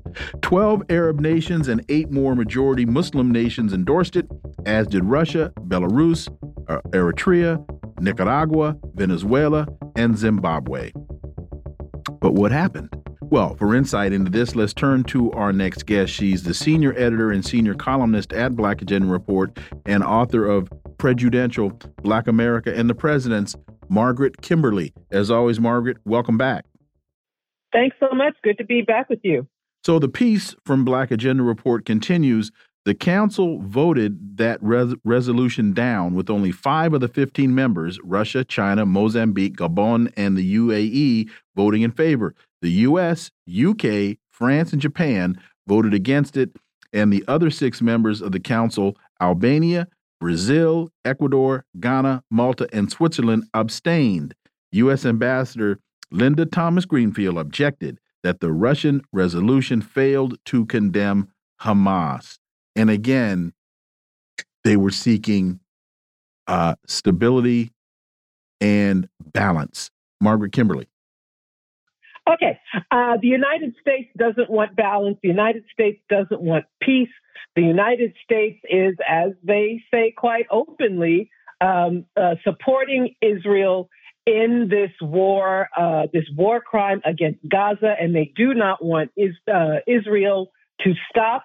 Uh, this, uh, you know, this first resolution was a very mild one. It's just uh, stop the the fighting, have a ceasefire, have some mercy on the civilians in Gaza who are dying in the hundreds and the thousands, whose medical facilities are being bombed. And that wasn't good enough for the U.S. The first vote, the excuse was uh, they didn't condemn Hamas. So then you have another uh, uh, resolution that does condemn Hamas, but that's not good enough. Every resolution is not good enough, and the U.S. will veto it because the U.S. does not want peace. The U.S. wants to dominate in the region and wants to use Israel to do so, and it doesn't matter how many people in Gaza suffer because of it. And you know, here's the other thing. You know, I was recently when I was at the at, at the UN and I spoke, and they brought someone out, I guess ostensibly to speak against me. They brought out a black person, right? We in, in, Linda Thomas Greenfield. What we see more and more, this guy Langley, who's in charge of AFRICOM, the United States shuffling out these people, these black misleadership people, to um, put forward a you know just disgracefully violent and imperialist um, platform against once again Palestinians, Muslims, people of color. Your thoughts on the U.S. imperialism now constantly hiding behind a woman leader in front of Southcom, a black leader in charge of this, et cetera, et cetera. Well, they have a a, a whole uh, coterie of black people, don't they? They have Linda Thomas Greenfield, the UN ambassador, as you point out, the AFRICOM commander, uh, the Secretary of uh, Defense, Lloyd Austin. They're even getting whole countries now. You get Kenya to give uh, uh, cover to the U.S. Uh, plot for the next invasion of Haiti. They need black faces at these moments. They moments they get mem- black members of Congress or even preachers um, to come out and defend Israel and not even mention uh, the people of Gaza at all. I mean, I suppose you can say for the AFRICOM commander and the UN ambassador, they are doing what they get paid to do, but why do you choose these people? Uh, they need black people. Of course, they, they have the ultimate in having a black president, but uh, I, I think the enduring lesson of Obama was that they will always want black people in high places to give cover to imperialism. And the more racist the act is, the more of a defense they seek from uh, from these prominent black people. And, and Margaret, I have labeled that minstrel diplomacy, but to to to that, moving on. Uh, Brazil's resolution for humanitarian pauses. Talk about the difference between the humanitarian pause and the requested ceasefire that Russia that Russia and China put forth. Well, it's you know it's it's there's not much of a difference. I think uh, uh, they were hoping again uh, to get the U.S. to uh, uh, approve, but a ceasefire implies that Israel has to stop killing people. A humanitarian uh, pause allows for certain safe corridors um, for to bring in aid and to allow people to leave should they choose. But none of this will ever be good enough for the United States. I mean, it's so shameful um, for this country to say, we want, in essence, the U.S. is saying, we want people in Gaza to keep dying. If that's what Israel wants, that's what we want. And no amount of wordsmithing uh, will help. Ceasefire, humanitarian. I mean, humanitarian pause is kind of the weasel way out of it, isn't it? But um, uh, I suppose these resolutions are meant to, I, I think, to put the U.S. on notice. I, I'm sure these nations know that the U.S. is going to veto anything uh, that does not give Israel the right to keep killing as much as it wants to. But this is something that needs a lot more attention. I think uh, Americans would be embarrassed to know that their representatives are saying that the killing has to continue. Uh, what about Joe Biden's statement that a ceasefire only benefits Hamas? He said that, I think, yesterday, and he said it Tuesday. He also said he didn't believe the Palestinian uh, casualty figures. Also. Correct. So, um, you know, the idea, it's important for people to know that Hamas is not an armed force like Israel. There's no uh, equality in uh, a force between the two. Uh, Hamas is, is a political party that people in Gaza voted for. They do have a, a, a, militia, or I'll call it something like that. It's nothing like the IDF, nothing like it. And uh, a humanitarian pause or a ceasefire benefits humanity. It benefits the entire region. It benefits America's friends in the region. You know, uh, uh, Biden's trip was a disaster in part because the president of Egypt and the king of Jordan said, We're not meeting with you. They didn't want to be seen with him after that hospital was bombed. So, uh, uh, but in their short sightedness, in their determination to come up with uh, uh, cockamamie policies and then hang on to them and defend them, this is just the latest example of what the Biden administration will do. Uh, ceasefire benefits Hamas. Nobody's talking about Hamas. People are talking about human beings. And the president of the United States has made clear that if those human beings happen to be in Gaza, well, too bad for them. Or maybe he's, you know, quoting the Israeli official who called uh, uh, people in Gaza human animals, and he doesn't think they have the right to live. You know, um, uh, uh comment on this in the context of Ukraine. Remember Ukraine, all of the refugees. Remember this. You've got to take the refugees from Ukraine. They're running from war. These poor people. They look like us. you know, we heard those kinds of things, right? But the so called refugees from Gaza can't even leave. They're not saying, hey, take the refugees from Gaza. They can't go anywhere. They can only get bombed. Oh, Russia is evil. Why, they've hit a power station and they're cutting off the elect electricity. That's a war crime. Well, they turn off food, elect electricity, and everything for the people in Gaza. And water. And everything. Talk about your thoughts on the difference that you see between these two conflicts.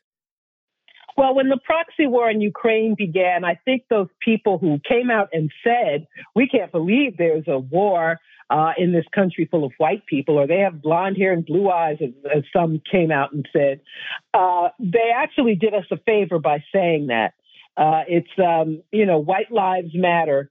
Um, white lives matter more. And if it's a country that the U.S., it, it all depends on what the U.S. wants. You want to uh, fight against Russia in Ukraine, then you uh, refugees, people fleeing war, are uh, angels who must be protected. If the the refugees are the victims of a U.S. friend, as in this case Israel, well, to hell with them, and good luck trying to escape. And we do know that Israel has bombed uh, convoys of people trying to leave. Uh, it's really, really quite, uh, quite disgraceful But, uh, you know, Biden gets away with this because uh, his friends in corporate media defend him. If there was even a cursory bit of analysis, uh, he would have to back down. But there isn't any. And he gets away with saying that, uh, you know, uh, war is peace or, or peace is war. I don't know what he's saying here, but he's making it clear that the U.S. Uh, doesn't care if Israel keeps killing people. Uh, TASS reports Russia calls for a cessation of hostilities in Palestinian Israeli conflict, according to uh, Foreign Minister Lavrov. And there, Russia condemns the terrorist actions and all other actions that violate international humanitarian law. And he also then goes on to say that Washington is attempting to monopolize the Middle East settlement process, and that's led to current disastrous situation. Margaret. Well, he's absolutely right. The U.S. has, you know, there were times in the past where American presidents would make efforts at peace. You know, going all the way back to Jimmy Carter. Now there's there's uh, uh, nothing except uh, this unipolar world, which actually doesn't exist anymore, except in Joe Biden and his team's uh, imaginations. That they don't have to consult anyone else. They can do what they want. Meanwhile, Russia and China are practicing diplomacy. Um, it's not something Americans hear very much about, but that's what's desperately needed is for uh, another powerful nation to be able to intercede, to be able to direct events uh, and that is the only way out of this disaster for the uh, Biden administration. It's going to be, you know, I think about Donald Trump, and everyone said he was crazy, and we'd have World War III. He's got, he had nothing, nothing in his record as bad as Joe Biden has done, where people are dying in Ukraine in this futile proxy war, and people are dying in Gaza because the U.S. wants to back Israel. So the last thing we need is for the U.S. to be uh, the sole uh, party that's directing events. If the U.S. were an honest broker, this could be over and no one would be dying. Margaret Kimberley, as always, thank you so much for thank you so much for your time. Greatly, greatly appreciate that that analysis and that insight. And let me strongly suggest that folks listening go to Black Agenda Report and read this incredibly well written piece, A Veto from Hell. And, oh, and don't forget, it's blackagendareport.org also right now because Thank they had some issues with their other site. Blackagendareport.org is where you go to read A Veto from Hell. Margaret Kimberley, thank you so much. Thank you. Folks, as always, You've been listening to the Critical Hour here on Radio Sputnik. Thank you for allowing our voices into your space. On behalf of myself and my co host, Garland Nixon. We hope you were informed and enlightened, and we look forward to talking with you all right here tomorrow on Radio Sputnik. Be safe. Peace and blessings. We're out.